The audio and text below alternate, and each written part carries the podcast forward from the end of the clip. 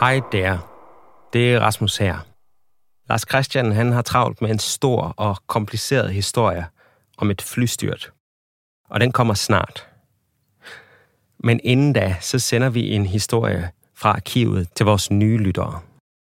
Og du må selvfølgelig meget gerne høre med, selvom du har hørt den før. Det synes vi faktisk, at den er god nok til. Det er nemlig en af vores egne yndlingshistorier. Historien hedder Da politiet skjøt for at dræbe. Og det her er anden episode.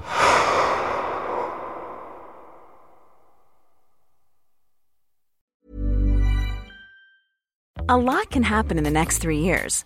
Like a chatbot may be your new best friend. But what won't change? Needing health insurance. United Healthcare Tri Term Medical Plans are available for these changing times. Underwritten by Golden Rule Insurance Company, they offer budget friendly, flexible coverage for people who are in between jobs or missed open enrollment. The plans last nearly three years in some states, with access to a nationwide network of doctors and hospitals. So, for whatever tomorrow brings, United Healthcare Tri Term Medical Plans may be for you. Learn more at uh1.com. Many of us have those stubborn pounds that seem impossible to lose, no matter how good we eat or how hard we work out. My solution is PlushCare. PlushCare is a leading telehealth provider with doctors who are there for you day and night to partner with you in your weight loss journey. They can prescribe FDA-approved weight loss medications like Wagovi and Zepbound for those who qualify. Plus, they accept most insurance plans. To get started, visit plushcare.com slash weight loss. That's plushcare.com slash weight loss. Her er det en ting som merker jeg har. Eh, hvordan har det seg at du vet hva som ble sagt på politiradioen? Hvordan jeg vet det? Vi hadde jo politiradio, bevare meg vel. Alle norske avisreaksjoner hadde jo det. Men jeg tror jeg var en av de få som hadde fått lov av politimesteren til å ha det. Det her er Johan Kristoffer Murer. Den erfarne lokaljournalisten som gikk under navnet Janke. Han var hele tida på plass der det spilte seg ut da politiet jakta de to bevæpna ranerne i Larviksdistriktet. Og her er grunnen til at Janke visste presis hva som foregikk i september 1994. Fortell. Nei, det var min gode venn politimester Skrøn. da. Jeg, ble, jeg hadde veldig godt forhold til, til politiet i Larvik i det hele tatt. Jeg tror jeg var på politikammeret hvert eneste dag omtrent. Men eh, så var han Skrøn, han, eh, han hadde jo fått nyss om det. At jeg hadde lytta på det av og til. Og så kom vi inn på det. Jeg satt på kontoret og tok en røyk sammen med Skrøn på et eller annet tidspunkt. Så sier han at det, det har jo egentlig ikke lov til å ha politiråd, men vi sier det er greit. Politimester Skrøen i Larvik som gav Janke lov til å lytte til politiradioen, døde i 2015. Og kan ikke fortelle sin egen versjon her. Men eh, som du kommer til å høre seinere, kom han til å spille en viktig rolle i historien. Som lokal politimester var det nemlig han som fikk ansvaret for de viktige beslutningene.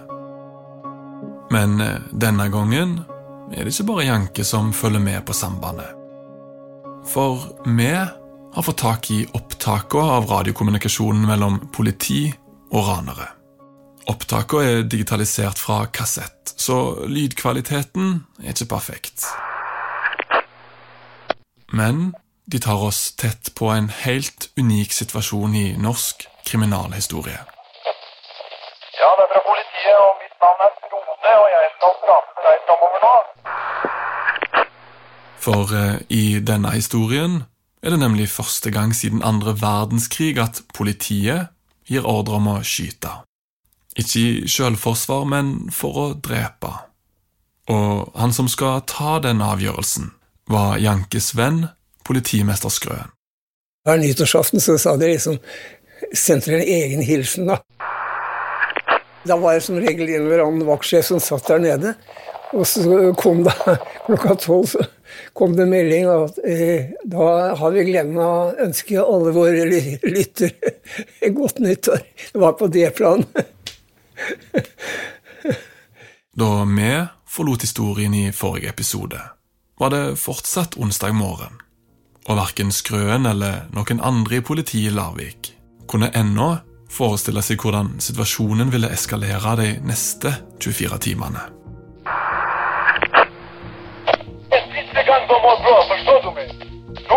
Slutter vi om fire minutter. Du lytter til en mørk historie. Episode to av Da politiet skøyt for å drepe. Mitt navn er Lars Kristian Øverland.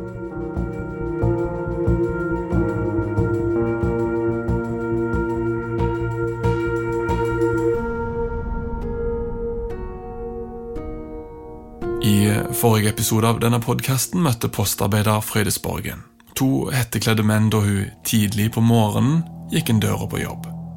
En av dem stakk en Colt 45 inn i munnen hennes og trua henne til å åpne safen, hvor skattepengene til Larviks borgere lå i form av tjukke seddelbunker.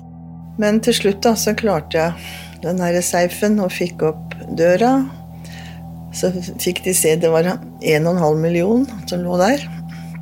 Sånn sett gikk ranet bra, men da de stakk av, havarerte flyktbilen. Og de to kidnappa snekkeren Jan Erik Slåtta, som var på jobb, og tvang han til å være sjåfør. Slåtta endte opp med å sette de av i skogen hvor han hadde jaktområde, og lovte å ikke fortelle hvor de var. Gjorde han det, var beskjeden tydelig. Nei, det var å, å drepe eller døde da eh, meg og min familie, da. Ranerne tok Jan Erik sin termos med nypete og klærne hans, før de kastet ei bunke med 50 000 inn i bagasjerommet og forlot han i barebokseren i skogen.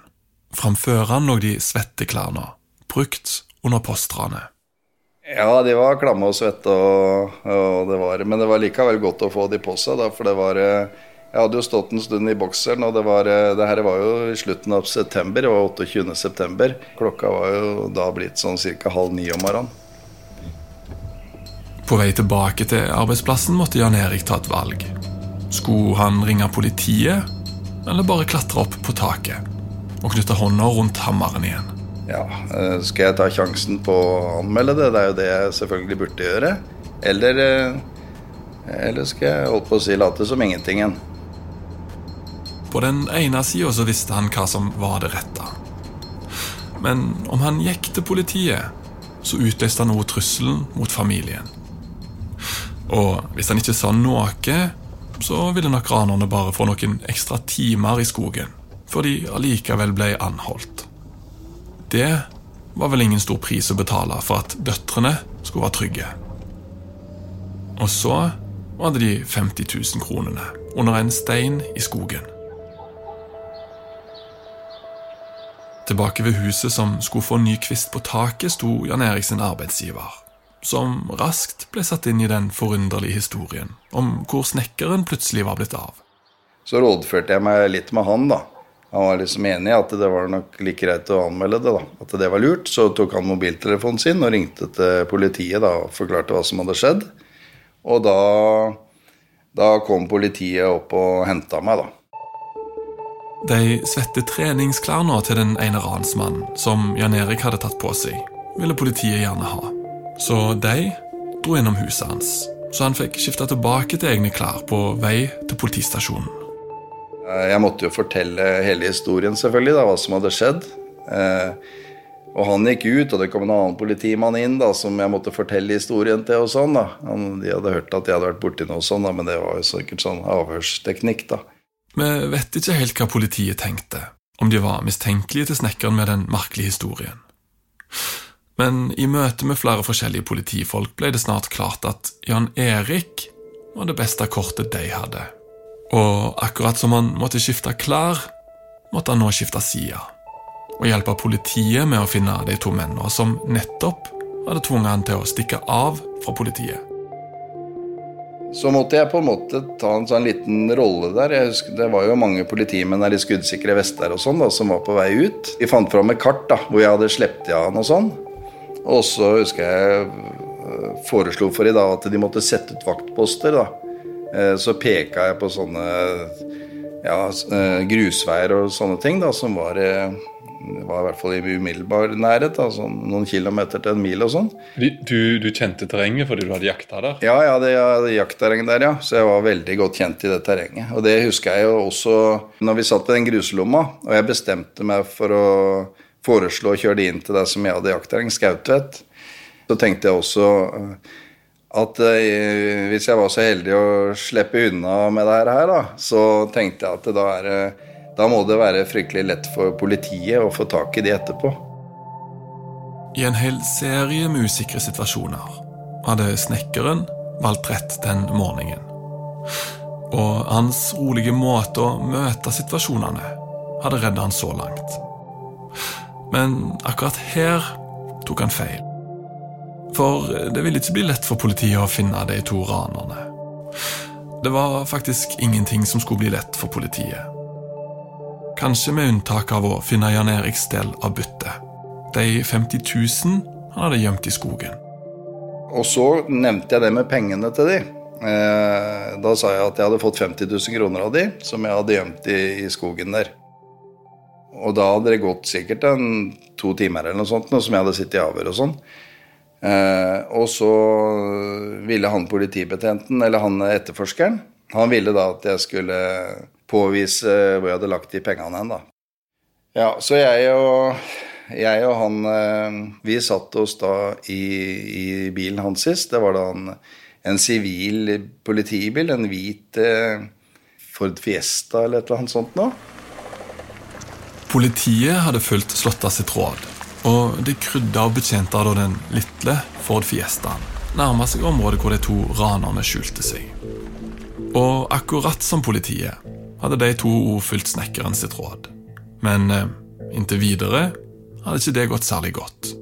Det regnet jo med at eh, problemet for disse to ranerne eh, det var det at de hadde ikke noe kjøretøy. Og de, og de sjøl regnet jo med at politiet var rundt på alle bauger og kanter, som jo stemte. da. Så de måtte holde seg i skjul. da. Det, ja, det, jakten pågikk for så vidt hele ettermiddagen. Og da husker jeg vi kom til Uh, ut på E18 der, og da var det uh, ved Pavlekjønna der, da. Det var der som den, uh, den veien til Skautvedt går inn, den grusveien. Der var det også en kjempestor sånn, sånn lomme da, som trailere og sånn kunne parkere på, blant annet. Og der var det vel sikkert 15 politibiler og 30 politifolk eller noe sånt, og da med skuddsikre vester og maskinpistoler og alt som var. Og jeg husker jeg og han sivile politimannen, da. Vi stoppa der sånn, og han sivile politimannen han så jo han i bilvinduet og snakka litt med de. Men de to mennene i den hvite Fiestaen slutta seg ikke til de mange bevæpna politibetjentene. Etter, at de hadde prata seg ferdig, så fortsatte vi innover eh, på grusveien. Eh, Aleine, da, vi to. Og da, ja, etter en kilometer eller annen, da, så kom vi til det stedet der som jeg da hadde gjemt de pengene. Og jeg gikk da inn i skogen og så henta de pengene, og da så ga de til politimannen. Og når vi var der, så spurte han om jeg kunne vise hvor jeg hadde sluppet de av henne. Så sa jeg at selvfølgelig kan jeg gjøre det, men jeg tenkte jo at det var jo ikke så veldig lurt, da. Hvis, at, hvis jeg skulle treffe på de oppi der igjen, på en måte, og han med sivil politibil og, og, og de da For da viste det seg at, at politiet hadde jo sendt ut et helikopter da, som skulle leite etter de fra lufta i det området jeg hadde sluppet de av. da. Problemet med helikopteret som føyk over skogen, var selvsagt at det sendte en klar beskjed til de to som gjemte seg under tredekket. Jan Erik hadde brutt løftet og gått til politiet. Så, men jeg tok nå sjansen, og så vi kjørte opp dit. Og, og helt ned til der som jeg hadde sluppet de av. Han var nå tilbake på den gruslommen i enden av veien hvor han få timer tidligere trodde han var nær ved å bli tatt av dage, avkledd i sitt eget bagasjerom. Samme plass hvor han hadde stirra inn i løpet på en Colt 45 og lovt de to ranerne at han ikke ville si noe til politiet. Og nå sto han her, sammen med en politimann. Og mens helikopteret sendte budskapen om Jan Erik sitt løftebrudd, viste han politiet hvor de to forsvant inn i skogen. Og så sto vi der litt, og jeg fortalte det at jeg hadde peka over vannet der, og jernbanesporet var der, og den veien så løp de. Og med det samme så fikk han beskjed over politiradioen at eh, politiet hadde, eh, politihelikopteret det hadde iakttatt da hadde sett eh, mest sannsynlig to stykker som hadde springet over grusveien. Og jeg kikka på han politibetjenten da, og spurte om han hadde våpen, om han hadde blålys han kunne sette på taket. For da var jeg helt sikker på at de ranerne da, de kunne nok ha jaktatt oss, og de skjønte at politihelikopteret som fløy rundt der, da var på jakt etter de. Og de følte seg nok ganske beklemte og ville ut av denne situasjonen. De hadde, hvis de da hadde sett oss kjøre ned, de visste veien stoppa der nede og vi måtte opp igjen, så regna jeg med at da kunne de fort stå midt i veien da, med revolveren og på en måte bruke vårs da, for å komme seg ut av den situasjonen. Så han eh, politimannen han hadde jo verken eh, revolver, han, eller, eh, eller blålys. Så sa jeg hva, hva, gjør vi nå, da? da? da? må vi i hvert fall få ned helikopter, eller få oss vekk herfra. Men det ville han ikke. Sånn at det jeg gjør nå sånn Nå bare kjører jeg. Jeg kommer ikke til å stoppe i hele tatt. Og så, så gassa han rett og slett på da, og kjørte oppover. Og på den smale grusveien så tror jeg vi var oppe i 130 km i timen. Han hadde ikke tenkt å stoppe. Han var nok redd sjøl. Og da når vi kom forbi det der stedet som helikopteret mente de hadde sett over veien, da, da var jeg i hvert fall letta i forhold til det. Og da, etter å ha kjørt en kilometer eller to til, da, så møtte vi flere politibiler på vei oppover da, i full utrykning. Og de hadde sikkert borti 100 km i timen, de, og vi kom kjørende i 100 km i timen, godt og vel. Og da ja, måtte han legge bilen ned i grøfta, da, og, og, og de møtte hverandre bare da, og så eh, Ja, og så kjørte vi ned igjen. I ettertid så har jeg jo sett at det var en dårlig håndtert eh, situasjon for politiet, i hvert fall. Eller eh, de skulle aldri i verden tatt meg med opp i det greiene der sånn etterpå sånn. Det skulle aldri hatt skjedd, egentlig, vet du. Det skulle jo ikke det. Og mens politiet da med maskingevær og hjelmer og skuddsikre vester var nede på ved Paulekjønna ved E18 der sånn. Det høres ut som actionfilmen fortsetter etter. Ja, den tar jo aldri slutt, den actionfilmen, actionfilmen, vet du. Den gjør ikke det. Så Og da var det tilbake igjen på politistasjonen, da, og de fortsatte avhøra. Ja, da hadde kanskje klokka blitt tolv eller et eller annet sånt når vi var tilbake på politistasjonen. Da satt jeg avhør faktisk helt fram til klokka halv ni på kvelden. De hadde nok en mistanke til at eh, jeg måtte være innblanda på et vis, eller noe sånt, da, men uh, i hvert fall så slapp jeg henne ut klokka halv ni om kvelden. altså Det ble en, uh, en lang dag på politistasjonen. Og på denne måten endte Jan Erik Slåtta sin dag som kasteball mellom ranere og politi. Og neste dag sto han opp som vanlig, fylte opp en annen termos med nypete og klatra opp på taket igjen. Kvisten bygde jo ikke seg sjøl. I mellomtida fortsatte jakten ute i skogen. Politiet satte opp nye veisperringer. Helikopteret føyk lågt over tretoppene. Og Janke fulgte med på politiradioen. Eh, og det skjedde ikke noen ting annet enn at vi hørte stadig meldinger på politiradioen om at de var der og der og søkte der og sånn. Ikke noe mer enn det. Så, så de hadde holdt seg godt skjult de to karene i lang tid, inntil mørket kom. Og da, det var da de skulle prøve å komme seg videre, antagelig.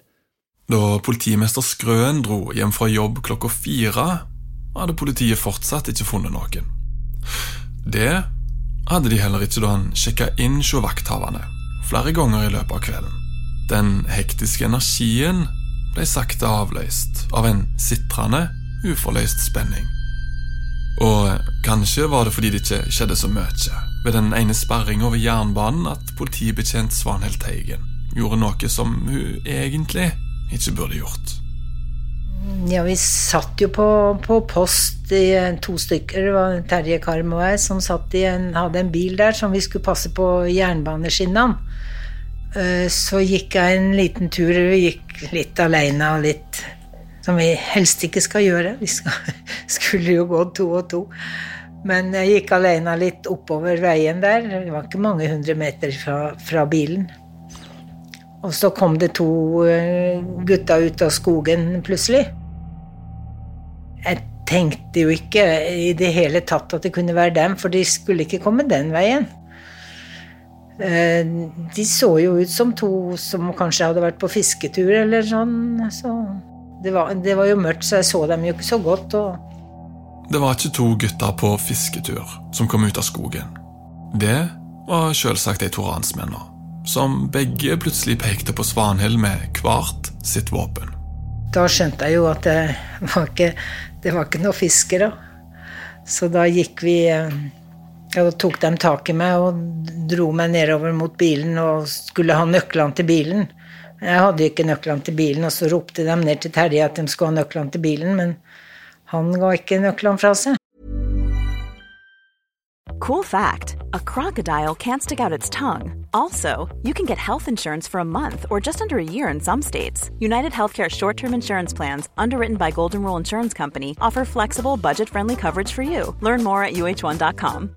If you're looking for plump lips that last, you need to know about Juvederm lip fillers. With Juvederm Volbella XC and Juvederm Ultra XC, your lip look, whether it's subtle or bold, can last up to one full year with optimal treatment and no additional maintenance. Find a licensed specialist and see if it's right for you at juvederm.com today. That's J U V E D E R M.com. Add fullness to lips in adults over 21 with Juvederm Volbella XC or Juvederm Ultra XC. Do not use if you have severe allergies or a history of severe allergic reactions, or if you're allergic to lidocaine or the proteins used in Juvederm. Tell your doctor if you have a history of scarring or taking medicines that decrease the body's immune response or that can prolong bleeding. Common side effects include injection site redness, swelling, pain, tenderness, firmness, lumps, bumps, bruising, discoloration, or itching. As with all fillers, there's a rare risk of unintentional injection into a blood vessel, which can cause vision abnormalities, blindness, stroke, temporary scabs, or scarring. For full important safety information, visit juvederm.com.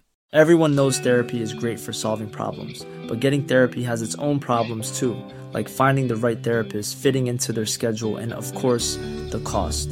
Well, BetterHelp can solve those problems. It's totally online and built around your schedule. It's surprisingly affordable too. Connect with a credentialed therapist by phone, video, or online chat, all from the comfort of your home. Visit betterhelp.com to learn more and save 10% on your first month. That's BetterHelp, H E L P. Millions of people have lost weight with personalized plans from Noom, like Evan, who can't stand salads and still lost 50 pounds. Salads, generally, for most people, are the easy button, right? For me, that wasn't an option. I never really was a salad guy. That's just not who I am. But Noom worked for me. Get your personalized plan today at Noom.com. Real Noom user compensated to provide their story. In four weeks, the typical Noom user can expect to lose one to two pounds per week. Individual results may vary.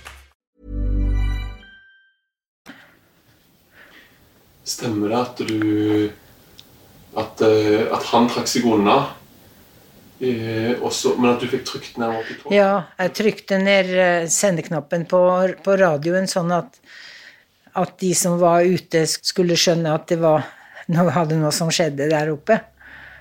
Det var, tok ikke lange tida før det var mye, mange av de andre som var ute og kjørte, var kommet, kommet til. Det var ingen tvil om at Svanhild nå var i problemer.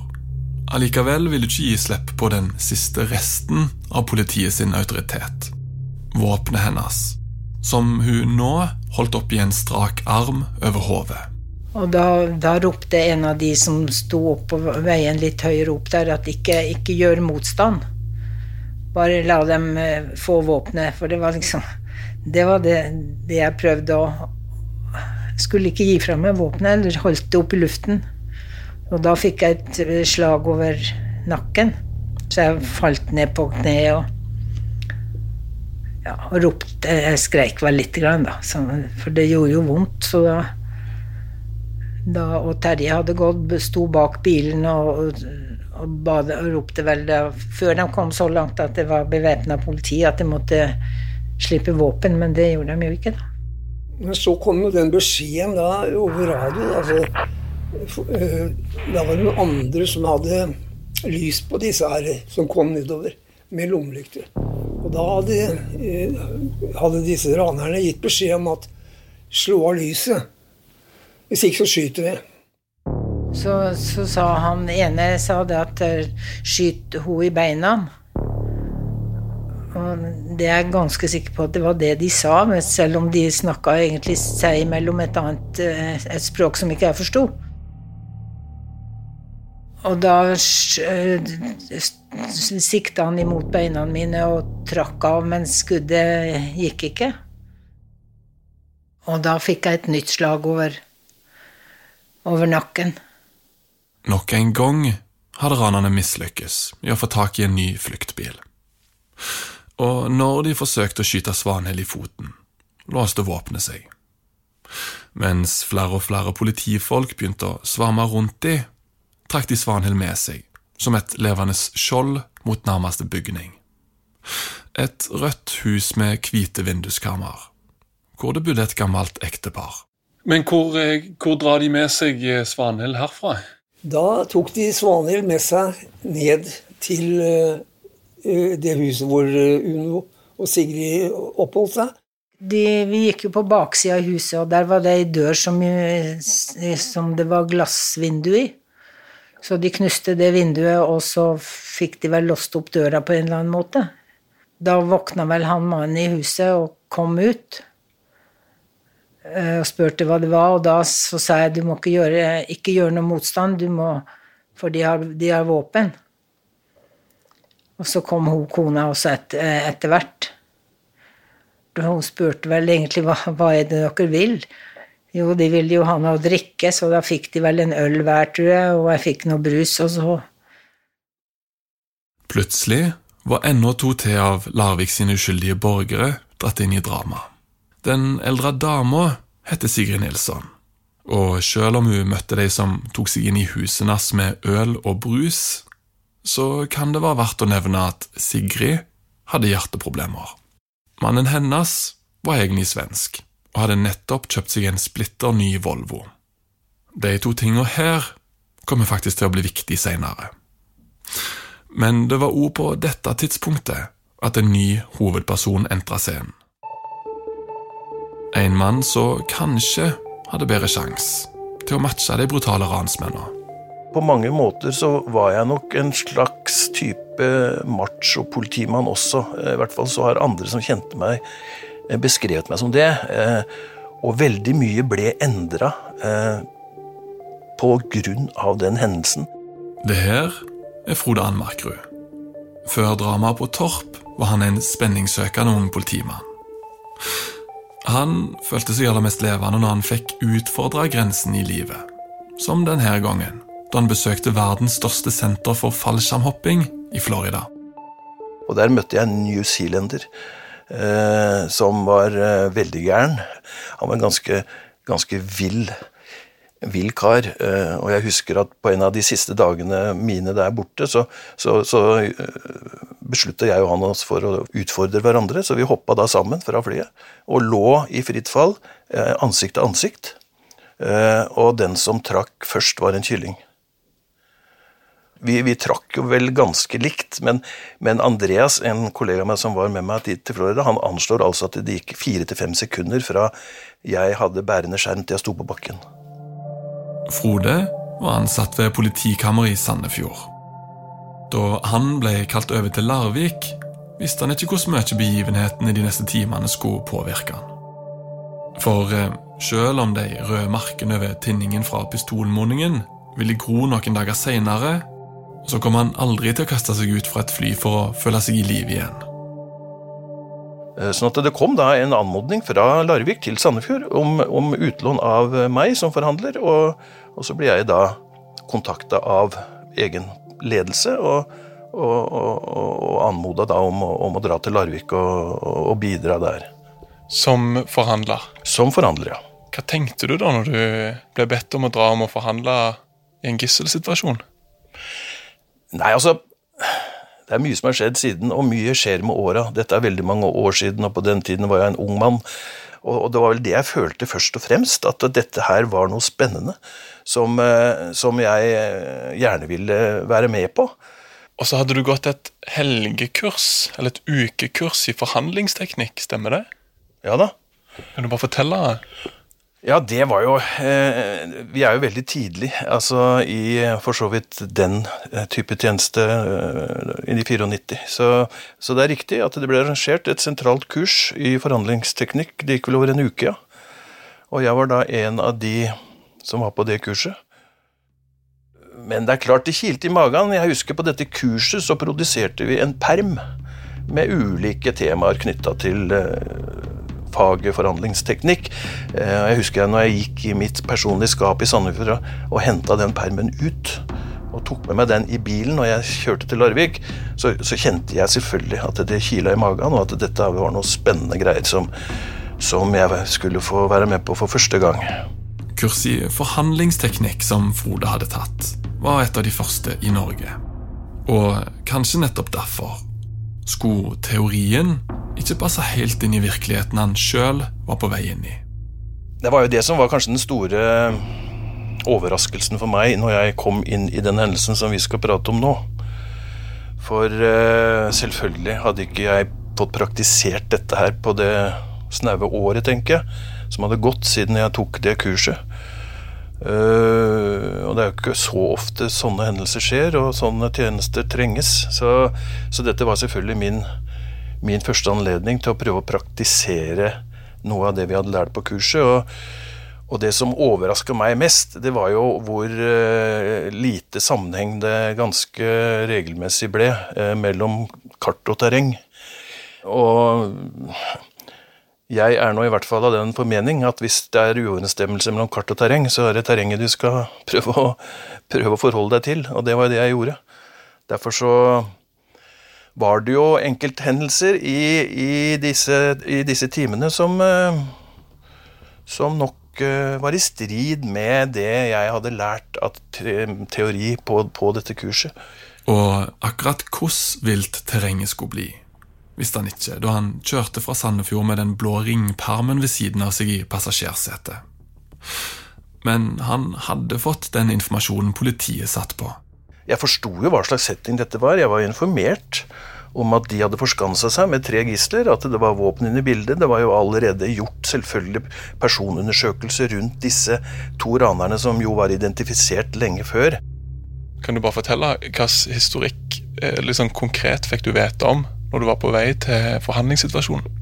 Nei, Svenske politimyndigheter hadde informert norske politimyndigheter om at disse var, var godt kjent i Sverige bl.a. for grov eh, voldskriminalitet og vinningskriminalitet der. Frode visste at de to gisseltakerne som hadde tatt kollegaen hans og et gammelt ektepar inn i huset, het Reshko Kukka og Svonomir Majdek. At de var svenske statsborgere, men hadde bakgrunn for Balkan.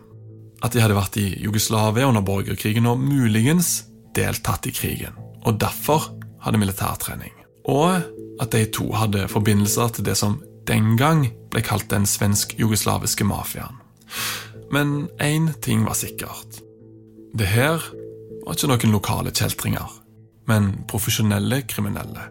Og vi forsto ut fra deres historikk og bakgrunn fra Sverige og, og, og, og Øst-Europa at dette var, dette var eh, kriminelle mennesker som vi måtte ta på alvor.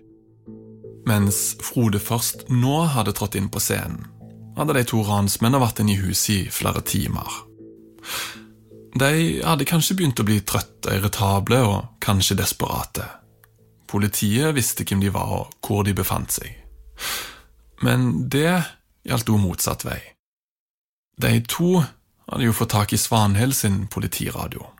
Så de hadde kommunikasjon og visste hva som foregikk rundt seg. og det, det, var veldig, det, var både heldig og uheldig. For det er klart at to ransmenn som har tilgang på politisamband, det, da vet de hele tiden hva skjer. Men uh, på den annen side, altså, det var den eneste måten de hadde å kommunisere på. Nå var ikke Janke den eneste som lytta over radioen. De fleste andre norske medier var på plass utenfor huset med skuddklare kameraer og blits som kunne lyse opp natta. Scenen var satt for Frode, som hadde som oppgave å etablere kontakt med gisseltakerne på innsida. Når du, når du skrur på sambandet for å ta kontakt med dem, hva er det første du sier da? Da sier jeg Jeg kaller de opp, eh, og da sier jeg at jeg heter Frode, og, og det er meg de skal forholde seg til i fortsettelsen. Ja, det er fra politiet, og mitt navn er Frode, og jeg skal prate med deg framover nå. Hva heter du? Jeg heter Antonio Montana, ok?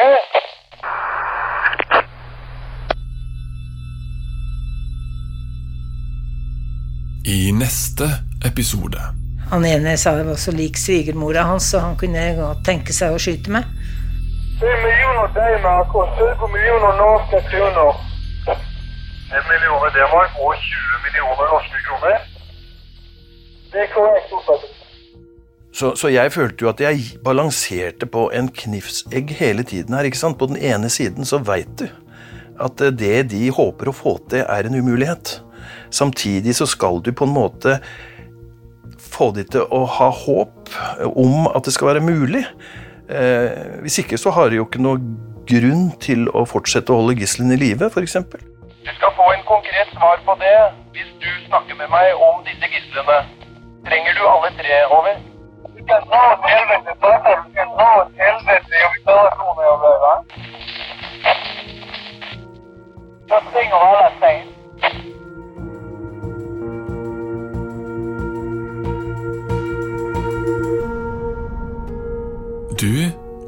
Har en mørk historie.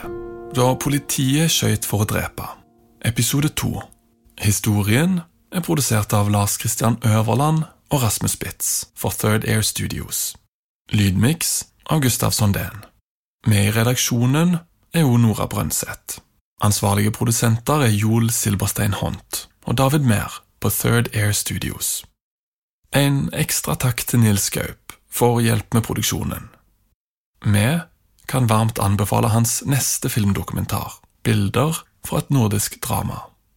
Historien handler om bildene til en av Norges fremste kunstnere, som ble funnet i en container fordi kunstkjennere mente verket var dårlig kunst.